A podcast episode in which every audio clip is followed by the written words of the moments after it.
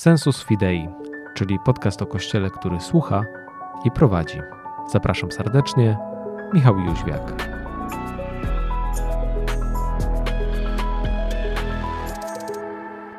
Witam serdecznie. Przy mikrofonie Michał Jóźwiak, a moim i Państwa gościem jest dzisiaj ojciec Tomasz Grabowski. Szczęść Boże. Szczęść Boże, witam Państwa serdecznie.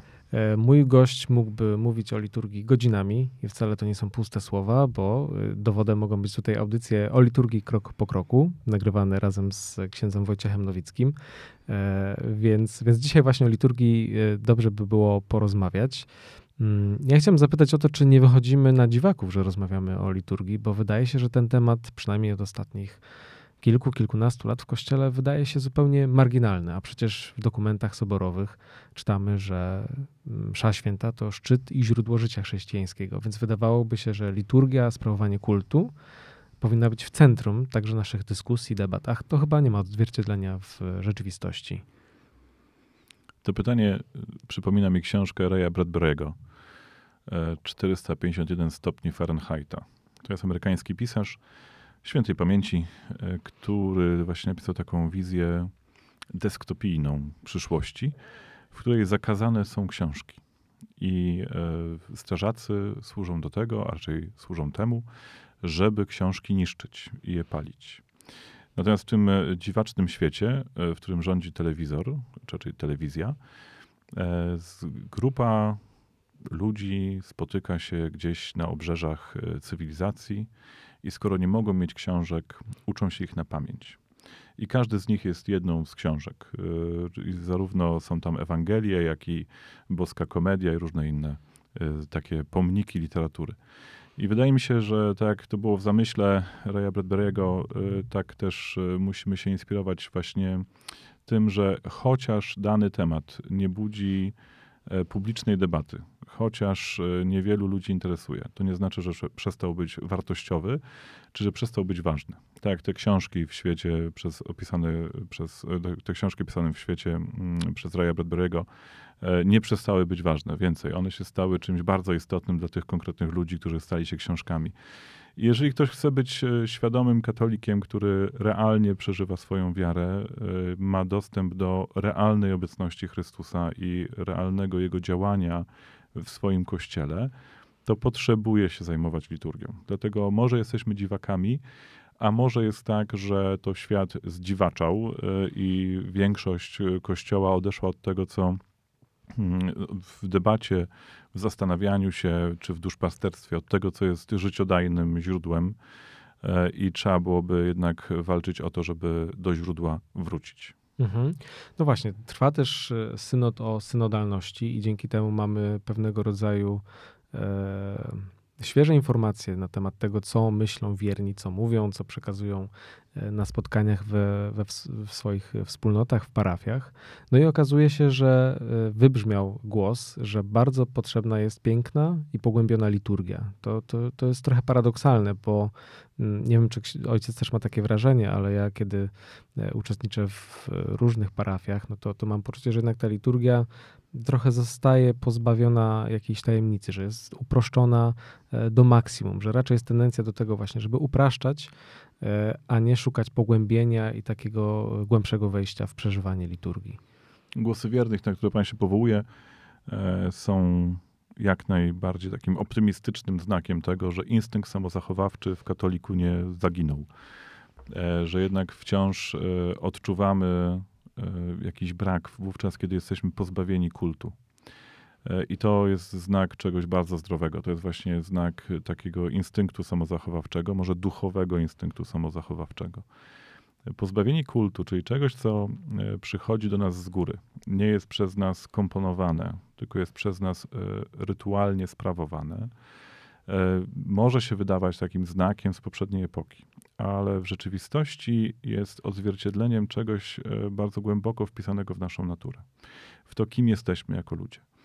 Potrzebujemy e, w kontakcie z tym, co nas przekracza, z transcendencją, czyli z Bogiem, e, potrzebujemy takich form, których nie jesteśmy autorami. Dlatego w modlitwie posługujemy się nie tylko swoimi własnymi słowami, ale czerpiemy z psalmów, które są nam dane z góry. I to bezpośrednio z góry w znaczeniu są częścią objawienia czy też posługujemy się różnymi modlitwami, które przez Kościół zostały skomponowane i przez wieki nabrały takiej treści doświadczenia wiary poprzednich pokoleń. My jesteśmy dziedzicami wiary. E, I e, wówczas, kiedy jesteśmy pozbawieni rytualnych form, a każda msza staje się jakimś takim nowym eksperymentem, czy jakimś no, takim nie, nie, nieprzewidywalnym zjawiskiem, e, w naturalny sposób czujemy się zagubieni. Że coś niedobrego się stało z naszym stosunkiem do Boga transcendentnego, czyli takiego, który nas przekracza. I że Pan Bóg nadmiernie stał się kimś, kogo my ograniczamy, kogoś, kto jest częścią świata. To jest absolutnie niechrześcijańska wizja Boga. Mhm. Kult y, właśnie sprawowany według rytuału to jest sposób na to, żebyśmy Pana Boga nie oswoili zanadto. Nie chodzi o to, że, że Bóg nie jest nam bliski, że nie jest Emanuelem, że Chrystus nie stał się człowiekiem. Stał się, ale jednocześnie właśnie Chrystus ustanowił Eucharystię.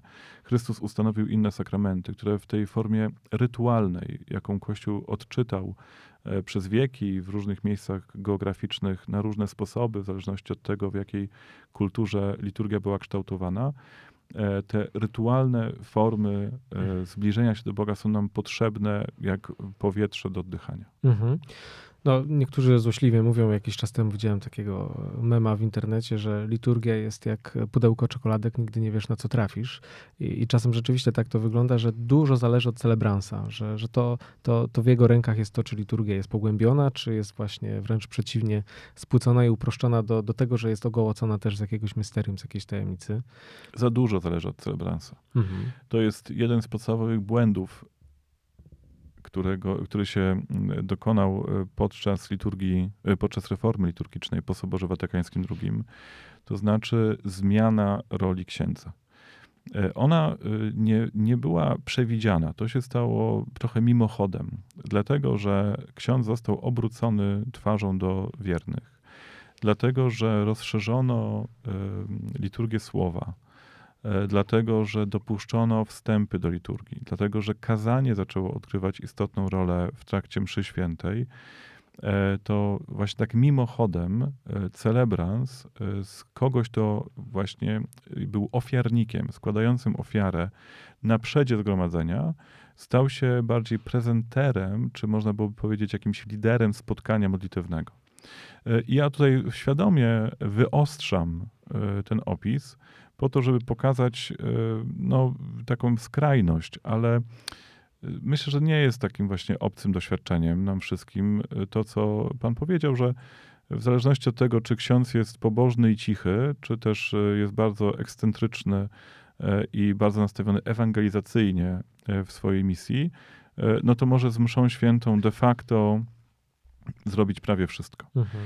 E, I niestety też jest tak, że e, po takim dociśnięciu e, rytualistycznym, czyli dociśnięciu przez przypisy, przepisy i różne rubryki, czyli to wszystko, co w księgach liturgicznych jest napisane na czerwono, a co zawiera wskazania, jak ksiądz ma się zachowywać, w takim przyciśnięciu, które miało miejsce przed Soborem Watykańskim II, trafiliśmy w drugą skrajność, gdzie rubryki są ograniczone do minimum, gdzie przepisy liturgiczne e, są e, skupione raczej na takim tylko kręgosłupie e, samego, samej celebracji, a wiele rzeczy, wiele gestów, słów pozostawia się pewnej dowolności księdza.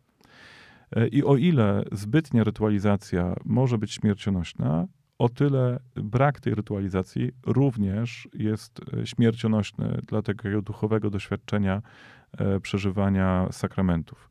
Bo sakrament przestaje być działaniem Chrystusa, do którego my się dołączamy, właśnie dzięki temu, że sprawujemy go w konkretnych normach, w konkretnych e, takich e, przepisach, e, a staje się taką naszą inwencją. No i to jest wielkie niebezpieczeństwo, kiedy tracimy sprzed oczu to, że Chrystus jest tym, który nam wierzy, przewodzi i ją wydoskonala.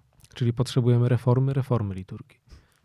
No to jest postulat, który w, na Wyspach Brytyjskich się pojawił w latach 90. i pewnie E, nie przestaje być aktualny. E, Benedykt XVI, a wcześniej jako Józef kardynał Ratzinger, e, próbował elementy reformy, reformy wprowadzać.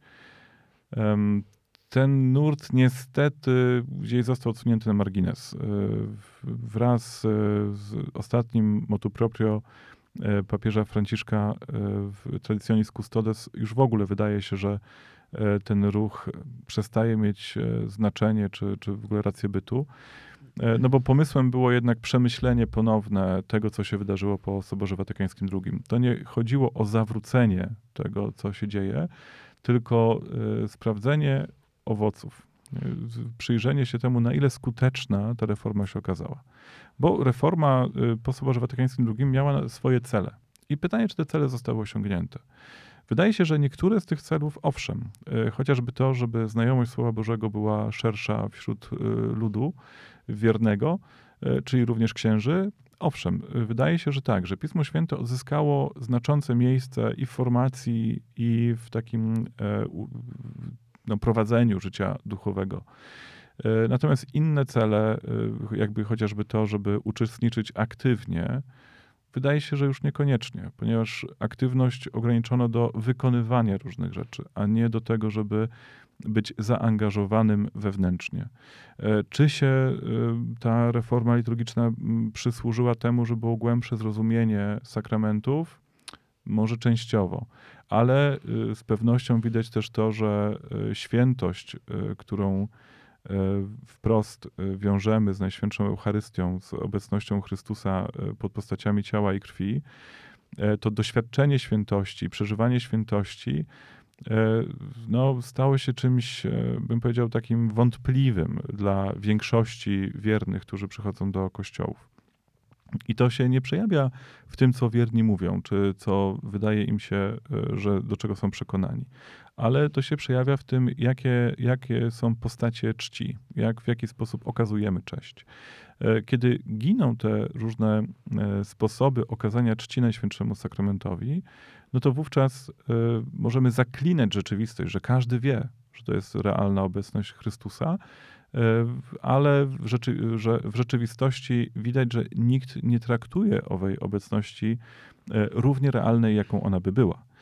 E, I to są owoce reformy liturgicznej do ponownego przemyślenia, czy mhm. zweryfikowania, czy one w ogóle zaistniały i w jakim stopniu, i pomyślenie, czy aby to, co było wcześniej, nie niosło w sobie elementów, które mogłyby pogłębić owoce reformy Soboru Watykańskiego II, E, a nie jej zaprzeczyć. Mhm. No właśnie, no to co ojciec mówi jest niezwykle istotne, szczególnie właśnie w odniesieniu do e, starej liturgii. No tutaj ten temat, e, ten temat się pojawił. W syntezie synodalnej pojawił się raport mniejszości, w którym został zawarty również taki postulat, żeby przyjrzeć się E, postawie stolicy apostolskiej i pewnej niekonsekwencji, która, która ma miejsce. To znaczy, w przeddzień właściwie ogłoszenia synodu o synodalności zapadła decyzja w formie motu proprio papieża Franciszka Traditionis Custodes, która radykalnie ogranicza starą liturgię. No można powiedzieć, że jest to podejście antysynodalne, bo zanim wsłuchano się w to, czego e, lud Boży chce i czego potrzebuje do, do pogłębiania swojej wiary, podjęto decyzję E, o ograniczaniu tej formy, właściwie o zniesieniu nadzwyczajnej formy rytu rzymskiego. Mm, no i teraz pytanie, jak to odnosić do, do, do synodalności jako takiej, no bo tutaj arcybiskup, już niedługo kardynał Rosz przekonuje, że właśnie to jest synodalność, że Kościół ma być e, przywiązany do jednej formy, że jest je, tylko jedna forma rytu rzymskiego i tutaj musimy iść jedną drogą. E, czy to rzeczywiście jest stanowisko, które, które wpisuje się w logikę synodalną, czy, czy nie? To, to, to, pytanie można rozpatrywać pod różnymi kątami. Po pierwsze, czy definicja synodalności jest właściwa? Bo skoro potrzeba podejmować takie decyzje, jakie podjął e, papież, e, i zakazywać bez konsultacji z wiernymi, którzy uczestniczą w, w, no, w mszach sprawowanych według nadzwyczajnej formy rytu rzymskiego. E, wystarczy... Były konsultacje z biskupami czy z episkopatami. Mówi się o tym, że były konsultacje z biskupami, e, z których e, jakaś część odpowiedziała na ankietę. Natomiast ciekawą rzeczą jest to, że mało kto potrafi wskazać tych, którzy faktycznie odpowiedzieli. Więc nie, może nie szerząc teorii spiskowych, jednak budzą się naturalne wątpliwości, czy faktycznie taka konsultacja była wystarczająco pogłębiona i objęła faktycznie tych, którzy byli nią zainteresowani. Ale synod ma być właśnie czymś nowym, ma nie być rozmową tylko w gronie biskupów, tylko ma być rozmową wiernych z biskupami. Wobec tego, jeśli papież podejmuje taki krok i odbywa się ta decyzja wyłącznie na ścieżce administracyjnej i w konsultacji jest ograniczona, konsultacja jest ograniczona tylko do osób duchownych, to pytanie, czy synod jest właściwym sposobem e, podejmowania dysku, dyskusji i wyłaniania się decyzji w kościele. A jeśli jest, no to skąd taka decyzja właśnie w przeddzień e, synodu? Zupełnie jest to niespójne, jest to niekonsekwentne. I trochę to e, przypomina demokrację w czasach słusznie minionych, gdzie przecież chociażby nasz kraj był jedną z demokracji ludowych, E, w których demokracja polegała na tym, że słucha się tylko tych, którzy się zgadzają z linią partii. E, no i trudno nie, nie mieć takiego skojarzenia, że jeżeli tak się podchodzi do synodu e, i jest to jeden z kroków, można powiedzieć, przygotowujących synod, nie wprost, ale przez siłę faktów, no to czy synod sam w sobie nie będzie taką demokracją ludową, w której dopuszczeni są do głosu wyłącznie ci, którzy zgadzają się z linią E, która akurat e, w Watykanie jest w tym momencie na topie. E, znowu wyostrzam, ale w celu pokazania na jakiegoś, jakiejś niekonsekwencji i jakiegoś nieporozumienia, które zbyt łatwo ignoruje się w debacie publicznej mhm. wewnątrz Kościoła. I znowu pytanie, na ile mamy prowadzić dyskusję w Kościele i w jaki sposób ją prowadzić na tematy, które są bardzo złożone i, i które wymagają też wiedzy, a y, żeby ta debata nie przerodziła się wyłącznie w wymianę opinii. Mhm. My żyjemy w takim świecie, w którym e, rzadko kto już rozróżnia opinię od e, informacji czy od wiedzy. E, a to jest rozróżnienie fundamentalne. Znaczy, mi się może różne rzeczy mogą mi się wydawać, mogę być do czegoś przekonany, ale należy się liczyć z moim głosem wyłącznie wtedy, kiedy mam odpowiednią wiedzę, żeby wyciągnąć wnioski. Można sprawdzić, czy te wnioski są logiczne, czy one sprawiają, e, czy, czy, czy sprawdzą się wobec krytyki e, argumentów, a nie znowu emocji czy opinii które wygłosi ktoś inny. I akurat kardynał Roche, OMC kardynał, niebawem kardynał, jest człowiekiem e, w moim przekonaniu e, no, teologicznie niekompetentnym do wypowiadania się na temat liturgii. Powiedziałbym nawet, że jest dyletantem w tych kwestiach, przynajmniej sądząc po jego wypowiedziach. Nie sądząc po tytułach, które zdobył, ale właśnie po tym, jaką linię przedstawia. No to jest coś, co jest nie do uzasadnienia ani historycznie, ani teologicznie. Kościół rzymski zawsze mieścił w sobie co najmniej kilka rytów liturgicznych, a był taki czas, e, gdzie tych rytów było kilkanaście, kilkadziesiąt. E, oczywiście nie były to ryty e, zupełnie ze sobą sprzeczne, czy wynikające z różnych historii, tradycji. Nie, to były warianty rytu rzymskiego, ale na przykład ryt mezjolański już trudno jest wskazać taką wyrazistość podobieństw. Oczywiście, że one są. E, ale już nikt nie powie, że to jest ryt z rodziny rytu rzymskiego. E, ryt mozarabski podobnie, który w Hiszpanii był celebrowany, teraz coraz bardziej tam popularny. To są rodziny rytualne, które się świetnie mają w kościele rzymskim od wieków. I nie należy ich wycinać. Ani takiego pomysłu nie miał Sobór Trydencki, który zachował ryty E, o dwustuletniej mhm. tradycji, ani nawet Innocenty III, który był wielkim reformatorem Kościoła e, w wieku XIII i takim reformatorem właśnie w przestrzeni liturgii, który skutecznie usunął ryt starorzymski, również nie walczył z innymi rytami, które były sprawowane lokalnie, czy były sprawowane w danych zakonach czy kongregacjach mniejszych. E, zawsze pozwalano, e, żeby w kościele obok e, tego rytu takiego macierzystego, związanego z lateranem, związanego ze stolicą Piotrową, istniały inne ryty. Dlaczego na to pozwalano? Dlatego, że my nie jesteśmy chociażby Rzymianami i mimo globalizacji, nie, ta, ta specyfika lokalna dzięki Bogu wciąż nas istnieje. E, I zawsze pozwalano e, w kościele na to, żeby ludzie, którzy rozpoznają różne ścieżki pobożności, bo do tego to się sprowadza, wyrazu swojej czci do Boga, jeżeli rozpoznają różne ścieżki e, tej pobożności, a one są w ramach zaaprobowanych rytów w kościele, to mają do nich prawo. Nawet ksiądz decyzjalny, będąc księdzem rzymskim, mógł wybierać przynależność do danego zakonu jako członek tak zwanych trzecich zakonów, po to, żeby odprawiać brewiarz według tradycji, dajmy na to, zakonu dominikańskiego. Mhm. E, to było coś, co naturalnie funkcjonowało w kościele i nikogo to nie gorszyło. Nagle się okazało, że e, wiek XX jest inny, że trwa jakaś wojna ideologiczna, która e, za swoje takie, mm, bym powiedział, awangardy, przednie straże, wybiera właśnie kwestię liturgii. I spór dotyczy tak naprawdę czegoś innego. On nie dotyczy liturgii. Dotyczy pewnego mindsetu, ustawienia myślenia na temat tradycji, na temat tego, co znaczy katolickość, na temat tego, co znaczy doktryna i dopuszczalna w niej dowolność. E, dotyczy tego, na ile traktujemy serio nauczanie moralne Kościoła.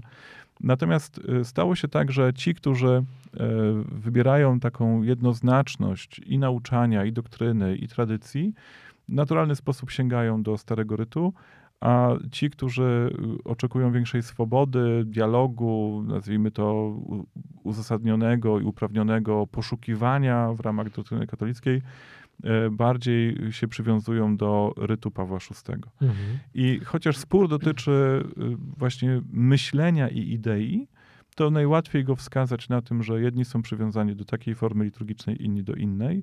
I nagle te formy liturgiczne, te ryty, które dawniej funkcjonowały w kościele obok siebie, miały się świetnie, e, stają się ofiarami mhm, tego sporu. Narzędziem prowadzonego sporu. No właśnie, o to chciałem też zapytać, bo mówił ojciec o różnych drogach pobożności i to właśnie wydaje się zupełnie naturalne i, i, i obecne w kościele przecież od zawsze. E, ale z kolei takie podejście do tego, że e, msza, tak zwana msza święta trydencka, ona jest mszą wszechczasów, jedyną słuszną, jedyną prawdziwą w kościele. To bełkot jest. To te, no właśnie, to też jest e, niezdrowe podejście. No, tu mamy do, do czynienia, oczywiście no, te środowiska tradycji są podzielone, no chociażby tak stricte formalnie, że mamy te, które są w jedności ze stolicą apostolską i tak zwanych lefebrystów, no, którzy mają nie, nieregularną czy niejasną sytuację kanoniczną, powiedzmy. E, chociaż papież Franciszek wydaje się wyciągać w ich stronę bardziej rękę niż w stronę środowisk tradycji, które są w pełnej jedności z papieżem. E, I chciałem zapytać właśnie o to podejście mm, msza święta wszechczasów. Jedyna prawdziwa, innej nie ma. Nowa msza to jest profanacja. Tu jest chyba też duże zagrożenie, tylko że zdaje się, że papież Franciszek wylał dziecko razem z kąpielą, prawda? No, to podejście, o którym pan mówi, to jest, e, tak jak mówię, bełkot. Znaczy to nic takiego jak msza wszechczasów nie istnieje. Jedyną mszą wszechczasów jest ofiara Jezusa Chrystusa, którą złożył na krzyżu, a wcześniej e, antycypował w wieczerniku i którą odwiecznie ofiaruje swojemu Ojcu jako Syn Boży. To jest jedyna wieczna, e, nie, niezmieniająca się ofiara, jaką sprawujemy. E, kult, który ją wyraża na ziemi, jest zależny od miejsca i czasu. To, że wierzymy w prawdziwość sakramentów sprawowanych chociażby w kościołach prawosławnych, od razu obala mit o jakiejś, jakiejś formie, która byłaby mszą wszechczasów. E, są tradycje liturgiczne nieprzerwane na wschodzie, które są trwalsze niż tradycja rzymska. E, ta forma mszy, z którą e, związana jest msza trydencka, czy z której wynika msza trydencka, co jakoś organicznie wyrasta, jest, mówi się pokłosiem, czy, czy właśnie jest oparta o schemat mszy E, sięgający VIII, może VII wieku chrześcijaństwa. Ale jeżeli przyjrzymy się e, szczegółom, okaże się, że owszem, schemat jest ten sam. E, natomiast sam Kościół już potrydencki modyfikował elementy rytu. I to modyfikował je stosunkowo szybko, poczynając od lekcjonarza, a potem przez kolejne reformy E, konkretnych obrzędów, czy wreszcie w XX wieku e, reformy Triduum, e, w końcówce XIX, z początkiem XX reforma brewiarza. No, szereg tych mhm. zmian było wprowadzanych. Jak mówił Benedykt XVI, Kościół jest w stanie ciągłej reformy. Oczywiście, że tak. I liturgia, jak zaznacza Sobór Watykański II, jest jedną z tych instytucji w Kościele, która ulega zmianom, czy podlega zmianom. I nie sposób tego nie widzieć w historii Kościoła. To, że modliliśmy się swego czasu jako katolicy po grecku, a potem po łacinie, a wreszcie w, w językach narodowych, jest faktem. I nie można zaprzeczyć tym faktom. I to się działo, zanim jeszcze w ogóle ktokolwiek słyszał o mszy E, trydenckiej. To, że Kościół był w jedności, chociażby z Ormianami, który jest w jedności z Ormianami, e, przynajmniej w tej wersji Kościoła, e, w tej, tej odnodze Kościoła ormiańskiego, która nie jest apostolska, tylko właśnie rzymska. Kościoła, który ma zupełnie inną tradycję liturgiczną i, od XIV, XV wieku można wskazywać, XIV, przepraszam, można wskazywać dokumenty Kościoła, gdzie swobodnie pozostawia się Ormianom ich liturgię, ich język, E, ich formę cerebracji, no to Kościołowi to nigdy nie, e, jakoś nie szkodziło.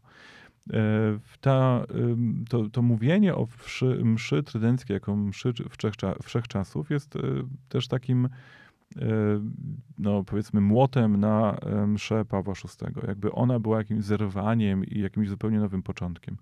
Tak, wiele się zmieniło w mszy. Wiele się zmieniło na dobre.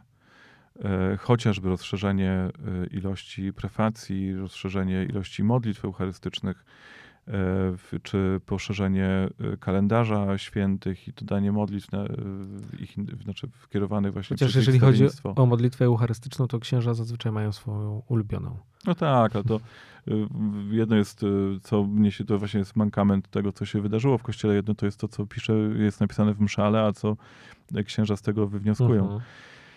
Niemniej, e, to, że e, ta msza została zmieniona i została przepracowana gruntownie, to prawda. E, I może jest czas na to, żeby jednak zawrócić w różnych elementach tej reformy, to nie można zawrócić reformy. I błędem jest, moim zdaniem, pozostawianie rytu Jana XXIII, czyli rytu właśnie, który nazywa się rytem trydenckim, niezbyt precyzyjnie. Należy go poddać reformie, którą Sobór przewidział, e, zgodnie z tym, co w Konstytucji o Liturgii Świętej jest napisane. E, tych zmian nie będzie wiele, e, ale one będą istotne i należałoby to wreszcie zrobić. Mhm. A nie bronić tejże mszy wbrew temu, co mówi Sobór, i bez wmyślenia się w to, co mówi Sobór. Chociażby właśnie dołożenie modlitwy wiernych, przynajmniej w niedzielę, to jest wymaganie Soboru, to nie jest wymaganie reformatorów posoborowych. E, podobnie dopuszczalność języka narodowego, przynajmniej w perspektywie, e, w tym fragmencie dotyczącym liturgii godzin, e, liturgii słowa, to też jest dopuszczenie dane przez Sobór. I nie należy z tym walczyć. Sobór tak to rozeznał i należy to przyjąć. Natomiast to, czy ilość powtórzeń znaków krzyża wiemy, że należy ją ograniczyć, bo tego też oczekuje Sobor, żeby ograniczać powtórzenia. Ale co znaczy ograniczyć i w jakim, jaki margines tych ograniczeń pozostawić? E, no to jest kwestia do rozstrzygnięcia dla reformy, która się nie dokonała, jeżeli chodzi o e, tenże ryt. I trwanie z uporem przy właśnie niesłusznie nazywanym, tym rycie niesłusznie nazywanym rytem mszy wszechczasów e, jest moim zdaniem niezgodne z nauczaniem Soboru. Mhm. A czy to rozwiązanie, które wprowadził Benedykt XVI w ramach motu proprio sumorum pontificum, to było dobre rozwiązanie na formę nadzwyczajną i zwyczajną rytu rzymskiego? To było rozwiązanie Czy tymczasowe. tymczasowe. Y, Benedykt zresztą y, wydaje się, że tak, ja nie, nie jestem w stanie teraz przytoczyć bezpośrednio cytatu, ale jeżeli dobrze pamiętam, on też tak to traktował, że jest to rozwiązanie pośrednie, po to, żeby w ogóle te ryty zaczęły współistnieć w kościele. Jego zamysłem było to, żeby były celebrowane w parafiach i żeby wierni mogli w ogóle dowiedzieć się, czym jest ów wcześniejszy ryt i mogli też zakosztować tej formy celebracji i może przez to odkurzyć e, w sobie e, ten taki zmysł e, katolickiego sprawowania Eucharystii. I jako rozwiązanie pośrednie tym punktem dojścia miało być no, jakieś wzajemne przenikanie się tychże rytów, czyli tak naprawdę doprowadzenie do reformy reformy.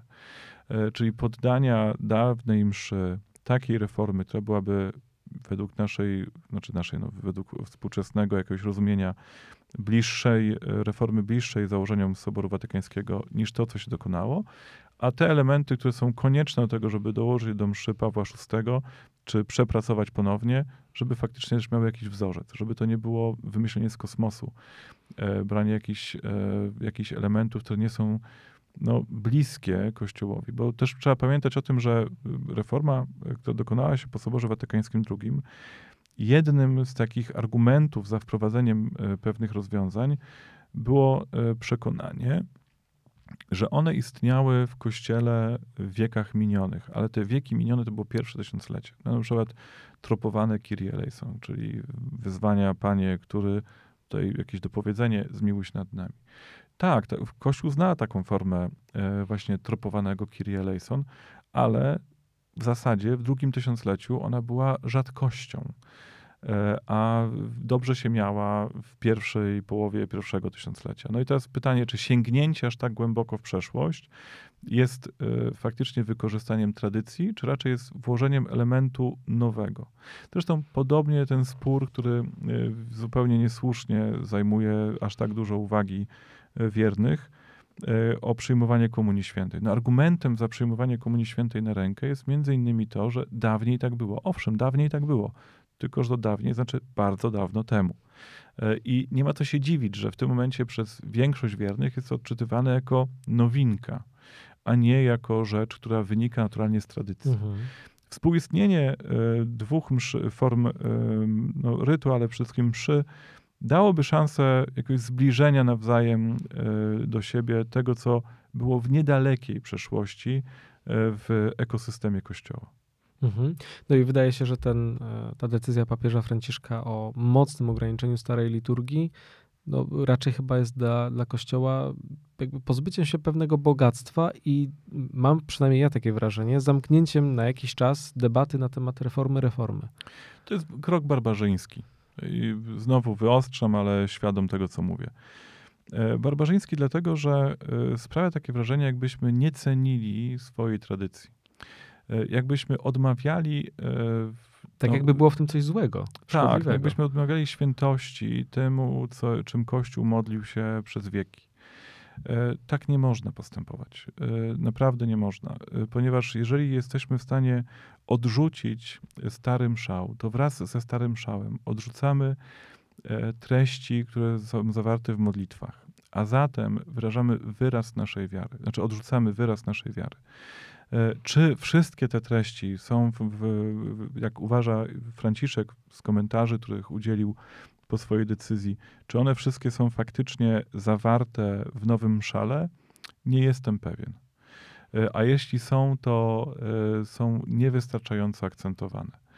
I odrzucenie e, dawnych form celebracji, jakieś takie właśnie przekreślenie ich, niesie w sobie takie niebezpieczeństwo odcięcia się od korzeni. No jak odcinamy się od korzeni, to odcinamy się od jakiegoś życiodajnego soku. E, I daleki jestem od archeologizmu. Jestem też daleki od tego, że można przywrócić dawną liturgię powszechnie w kościele. Nawet uważam, że jest to niepotrzebne. Ale wyzbywanie się, czy jakby stygmatyzowanie tradycji jest czymś, co jest anty E, taki, znaczy, no, no jest niezgodne z takim rdzeniem katolicyzmu, bo mhm. katolicyzm to jest de facto e, dziedziczenie i przekazywanie wiary kolejnym pokoleniom. To jest tradycja właśnie, nie? przekazywanie, tradycją. Przekazywanie tego, co e, nasi ojcowie w co wierzyli, od nich uczymy się wiary, nie tylko w formach, ale także w tym wewnętrznym doświadczeniu. Ożywiamy ten, ten depozyt swoim własnym przeżywaniem wiary i przekazujemy go dalej. Jeśli nagle powiemy, nie, no to jak nasi poprzednicy przeżywali relację do Najświętszej Maryi Panny albo relację do Odkupiciela, było błędem, to jakbyśmy powiedzieli, to my teraz wiemy lepiej niż oni. Pytanie, czy nie, w takim razie nie stawiamy siebie na równi e, z apostołami którzy znali Chrystusa lepiej e, niż e, kolejni uczniowie. Mhm. No może się okazać, że mszalik babci albo prababci, który znaleźliśmy, znajdzie się na indeksie ksiąg zakazanych. To Myślę, że do tego nie dojdzie, bo indeks, indeks ksiąg zakazanych został wycofany, słusznie czy niesłusznie, ale y, z pewnością ci wszyscy, którzy odważą się sięgnąć do mszalików swoich babć e, czy dziadków, odkryją w nich bogactwo. I tutaj raczej w takim e, najłagodniejszej wersji e, decyzje papieża Franciszka e, czy kolejne decyzje dykasterii odpowiedzialnej za kult i sakramenty będą miały taki skutek, że od tego bogactwa się, no zamyka się do tego bogactwa drzwi. Mhm. To porozmawiajmy jeszcze o, teraz przeskoczmy do nowej mszy, do tak zwanego nomu, jak to się, jak to się pięknie mówi. Msza święta z udziałem dzieci. To jest, to jest temat rzeka oczywiście i tutaj pewnie wszystkich wątków tego, tego problemu i tego zjawiska nie, roz, nie będziemy roztrząsać, ale nie ma ojciec takiego wrażenia, że msza święta z udziałem dzieci, która jest mm, dostosowana teoretycznie do, do ich potrzeb, jest skrócona oczywiście, jest E, zawiera jakieś elementy właśnie dialogu z dziećmi, nie jest e, przeciwskuteczna, bo ja mam wrażenie, ja mam dwu i półletnią córkę, e, która im więcej misterium doświadcza w mszy świętej, im bardziej widzi, czym więcej widzi znaków, których nie rozumie, które, które muszę jej wytłumaczyć albo starać się wytłumaczyć, no bo, bo sam oczywiście też nie wszystko rozumiem i, i, i tutaj chyba to w podejściu do liturgii potrzebna jest też olbrzymia taka pokora, Mm, ale im więcej jest tego, co, co dla niej zagadkowe, tym bardziej ją to pociąga. Myślę, że to jest powszechne doświadczenie rodziców, że to, co jest nieznane, to, co wydaje się tajemnicze, bardziej dzieci przyciąga i jest dla nich bardziej atrakcyjne. A tymczasem tutaj wydaje się, że ta msza święta z udziałem dzieci e, jest trochę przekształcona w takie zajęcia edukacyjne, no, które pro, po prostu prowadzi ksiądz. To jest faktycznie temat rzeka. Ja też nie jestem odpowiednią osobą, żeby na te pytania wszystkie odpowiadać, y, dlatego że nie, nie zajmuję się ani katechizacją, ani wychowaniem dzieci. Dodatkowo y, unikam mszy z udziałem dzieci i robię to zupełnie świadomie i z premedytacją. Nie lubię ojciec dzieci. To już zostawiam domysłom. E, prawda? Raczej chronię dzieci przed sobą. Um, ale tak na poważnie mówiąc, um, zacząłbym od tego, że w Polsce od kilkunastu lat, e, chyba już od 15, 14 na pewno, e, funkcjonujemy z mszałem przestarzałym. Mianowicie, dla tych, którzy nie wiedzą, korzystamy z drugiego wydania mszału rzymskiego, a od chyba od 2008 roku, jeśli nie wcześniej, to jest tak, nie mam w, w pamięci tej daty dokładnej, więc może się tutaj mylę co do szczegółów, ale pierwsza, pierwsza dekada 2000 lat mamy e, typiczne wydanie, czyli wzorcowe wydanie, trzecie wydanie mszału rzymskiego. W tymże wydaniu nie ma czegoś takiego jak e, msza z udziałem dzieci. Te, te eksperymenty zostały uznane za nieudane.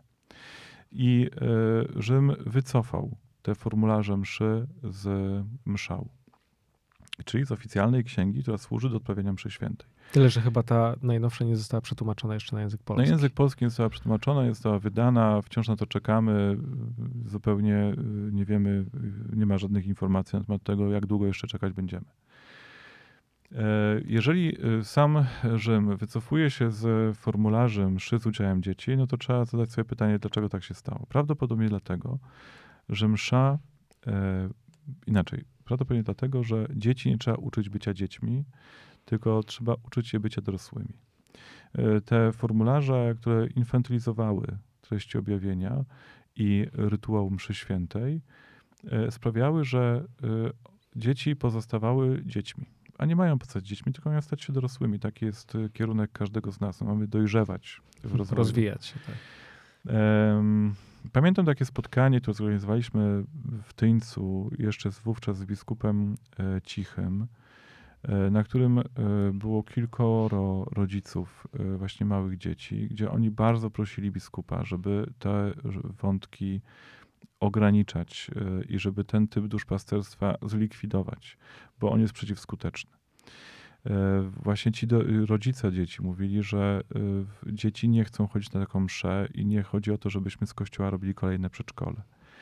E, biskup Cichy na to zareagował w ten sposób, że e, msze z udziałem dzieci to jeszcze nie jest dokończona forma, bo mimo iż są już pewne teksty zaadaptowane do tego, żeby były pojmowalne dla dzieci, to jeszcze nie wszystkie i trzeba to zrobić głębiej. Czyli totalnie nie zrozumiał tego, co e, mówili owi rodzice. E, I myślę, że e, tutaj główny kłopot, poza tym, że uczymy dzieci bycia dziećmi, polega na tym, że nie różnicujemy pomiędzy katechezą, wydarzeniem ewangelizacyjnym, e, takimi wydarzeniami edukacyjnymi czy wychowawczymi, a kultem. I oduczamy dziecko brania udziału w kulcie. Jasne, że dzieci na mszy świętej to jest wielki temat i w ogóle współczuję i kibicuję wszystkim rodzicom, którzy dbają, chcą, starają się i robią różnego rodzaju rzeczy, żeby to dziecko zachowało się spokojnie w kościele. Ale moim zdaniem błąd tkwi wcześniej. Mhm. E, w tym, że e, przekonuje się nas, że obecność w kościele dziecka jest e, nieodzowna, że jest konieczna. Nie jest. Do czasu przyjmowania pierwszej komunii dziecko nie ma obowiązku bycia na mszy świętej niedzielnej.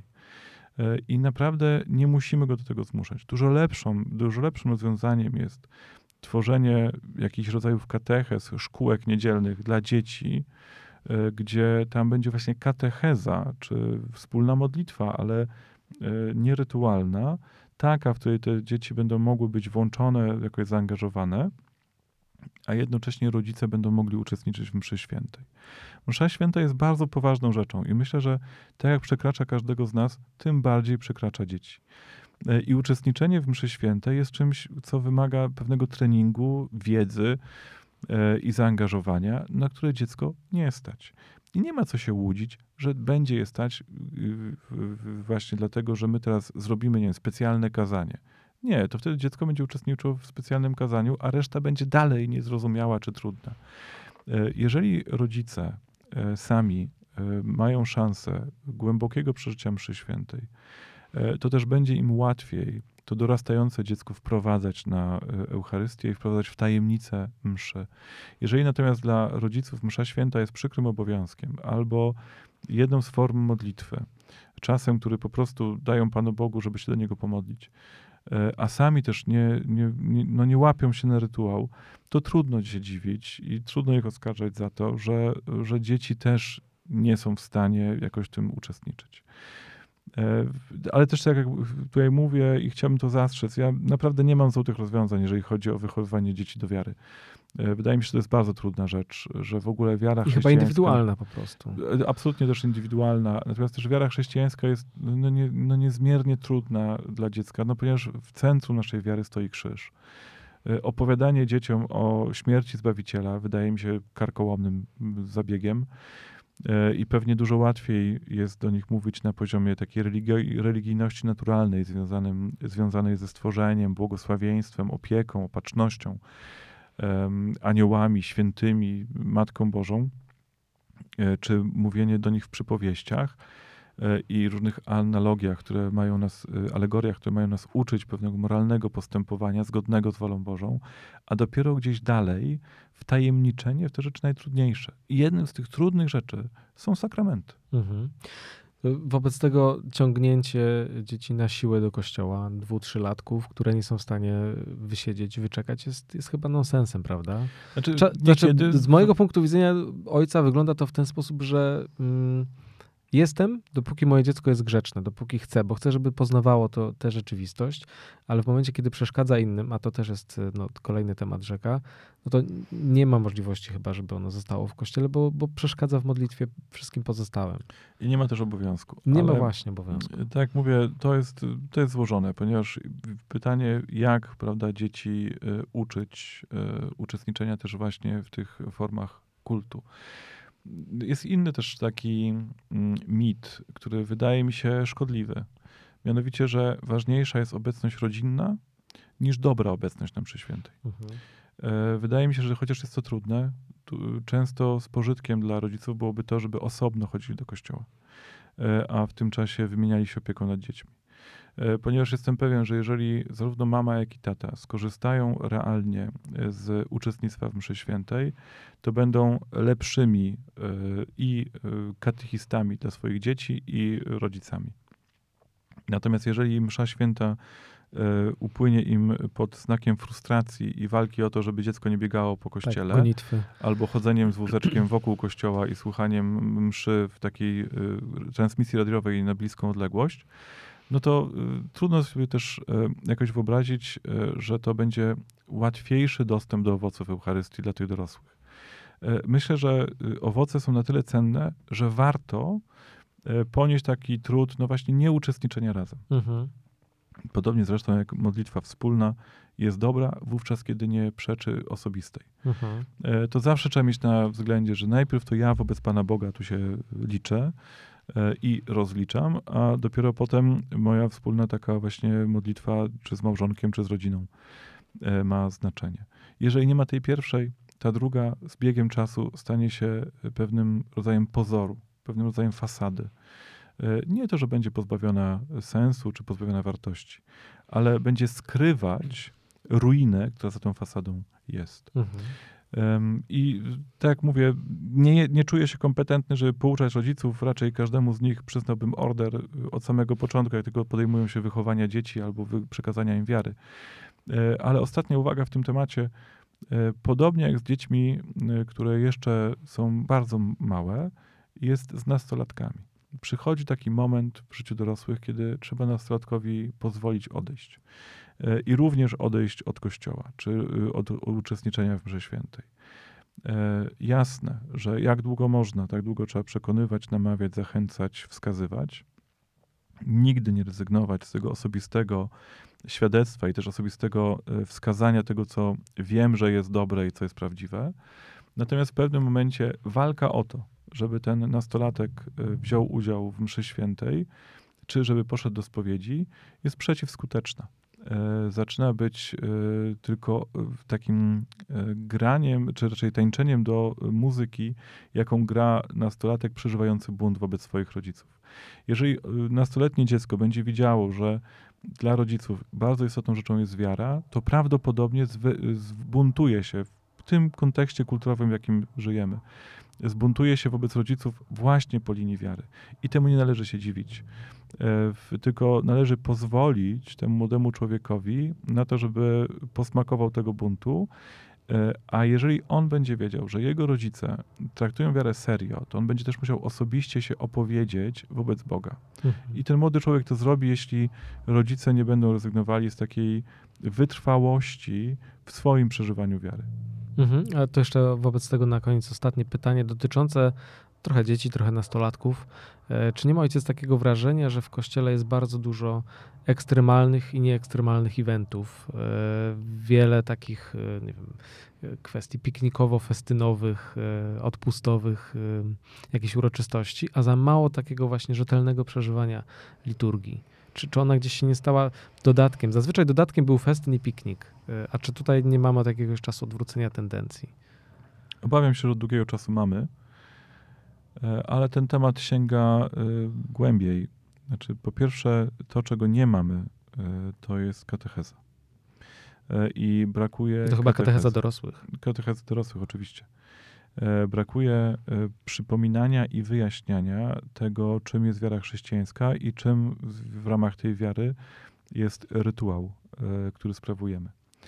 E, który jest e, nie tylko właśnie pewną ceremonią, ale jest e, działaniem Boga pośród nas właśnie w tej bardzo specyficznej formie rytuału. Nie ma katechezy dorosłych, więc trudno się dziwić, że szukamy po omacku jakiegoś uatrakcyjnienia wiary. Wiara sama w sobie jest bardzo atrakcyjna. Jest wyzwaniem teologicznym, intelektualnym, jest wyzwaniem dla rozwoju charakteru, dla rozwoju osobowości. E, jest też e, nie tylko wyzwaniem, ale też takim wskazaniem, jak można to robić dobrze. Nie ogranicza się naprawdę do tego, żeby e, innym czynić to, co dla ciebie jest miłe. Cała doktryna moralna chrześcijaństwa jest pasjonująca E, cały organizm rozwijania w sobie tego, co nazywamy cnotą. To jest w ogóle fenomenalne, to są fenomenalne narzędzia do tego, żeby rozwijać się osobiście i naprawdę o wiele ciekawsze niż szereg e, uproszczonych, takich coacherskich technik i, i, i sposobów. Dodatkowo wiara chrześcijańska e, to jest pasjonująca przygoda z historią.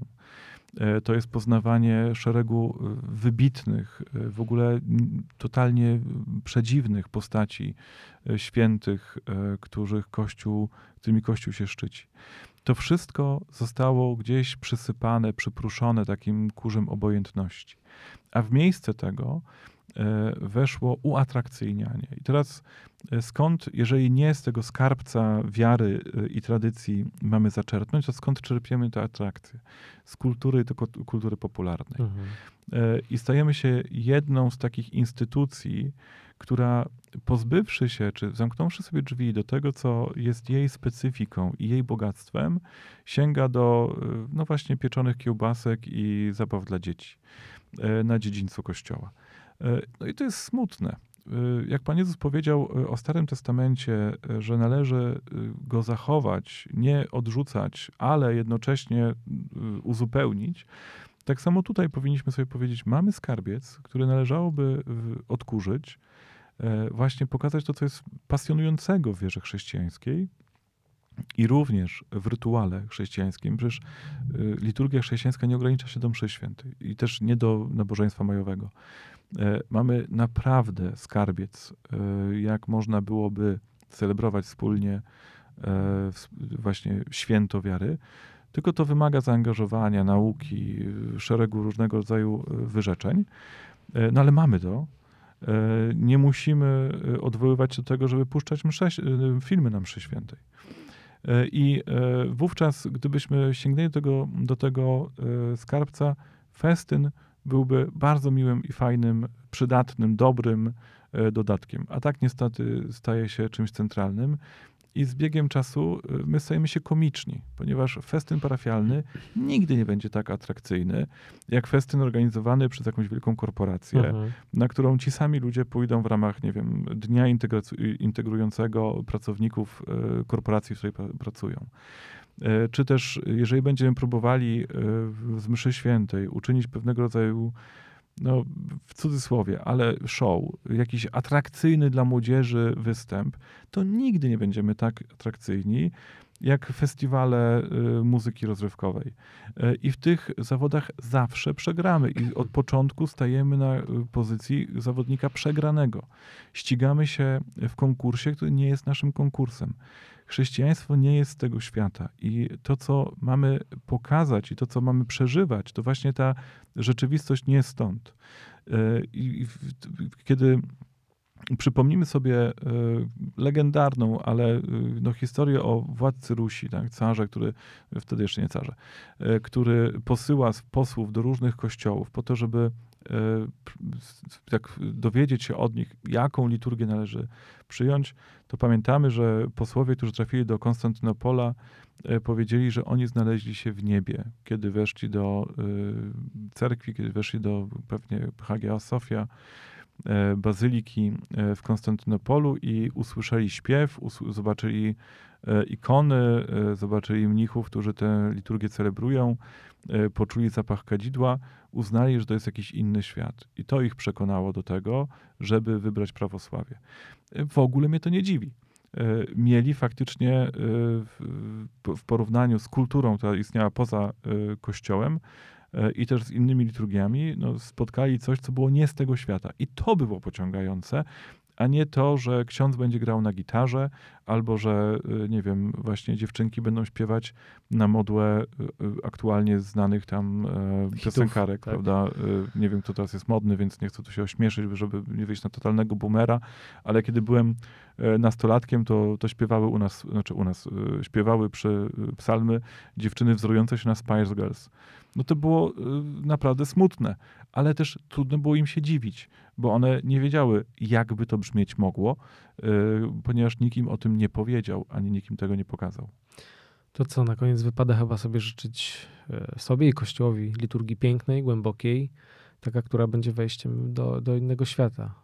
Mówi się, że to dobrymi intencjami są, y, jest wybrukowane piekło, ale można byłoby powiedzieć, że dobrymi życzeniami. Ja myślę, że nie tylko sobie życzmy, tylko E, bierzmy sprawy w swoje ręce. Mhm. Znaczy, nie liczyłbym na to, że łatwo e, uda się przekonać księży do modyfikacji tego, co przy ołtarzu robią, ale chociażby warto zacząć od uczenia się tego, co w mszale jest, jaka jest tego, jaki jest sens symboliki e, liturgiczne, jaki jest sens tych modlitw, w ogóle posłuchać tych modlitw i zobaczyć, jak wiele tam jest treści. E, trzeba najpierw się edukować i to pewnie na własną rękę, ponieważ ludzie zasadniczo dzielą się na nieuków i samouków. I na szczęście mamy szereg różnego rodzaju pomocy, także każdy z nas może pogłębić swoje rozumienie, a w związku z tym przeżywanie Eucharystii i liturgii i to dopiero będzie wprowadzać różnicę. Mhm. Tak, żeby msza nie była kompulsywnym mówieniem amen, klękaniem, wstawaniem i wyjściem do domu. Kompulsywnym lub znudzonym. Dzięki za rozmowę. Dziękuję serdecznie. Wszystkiego dobrego.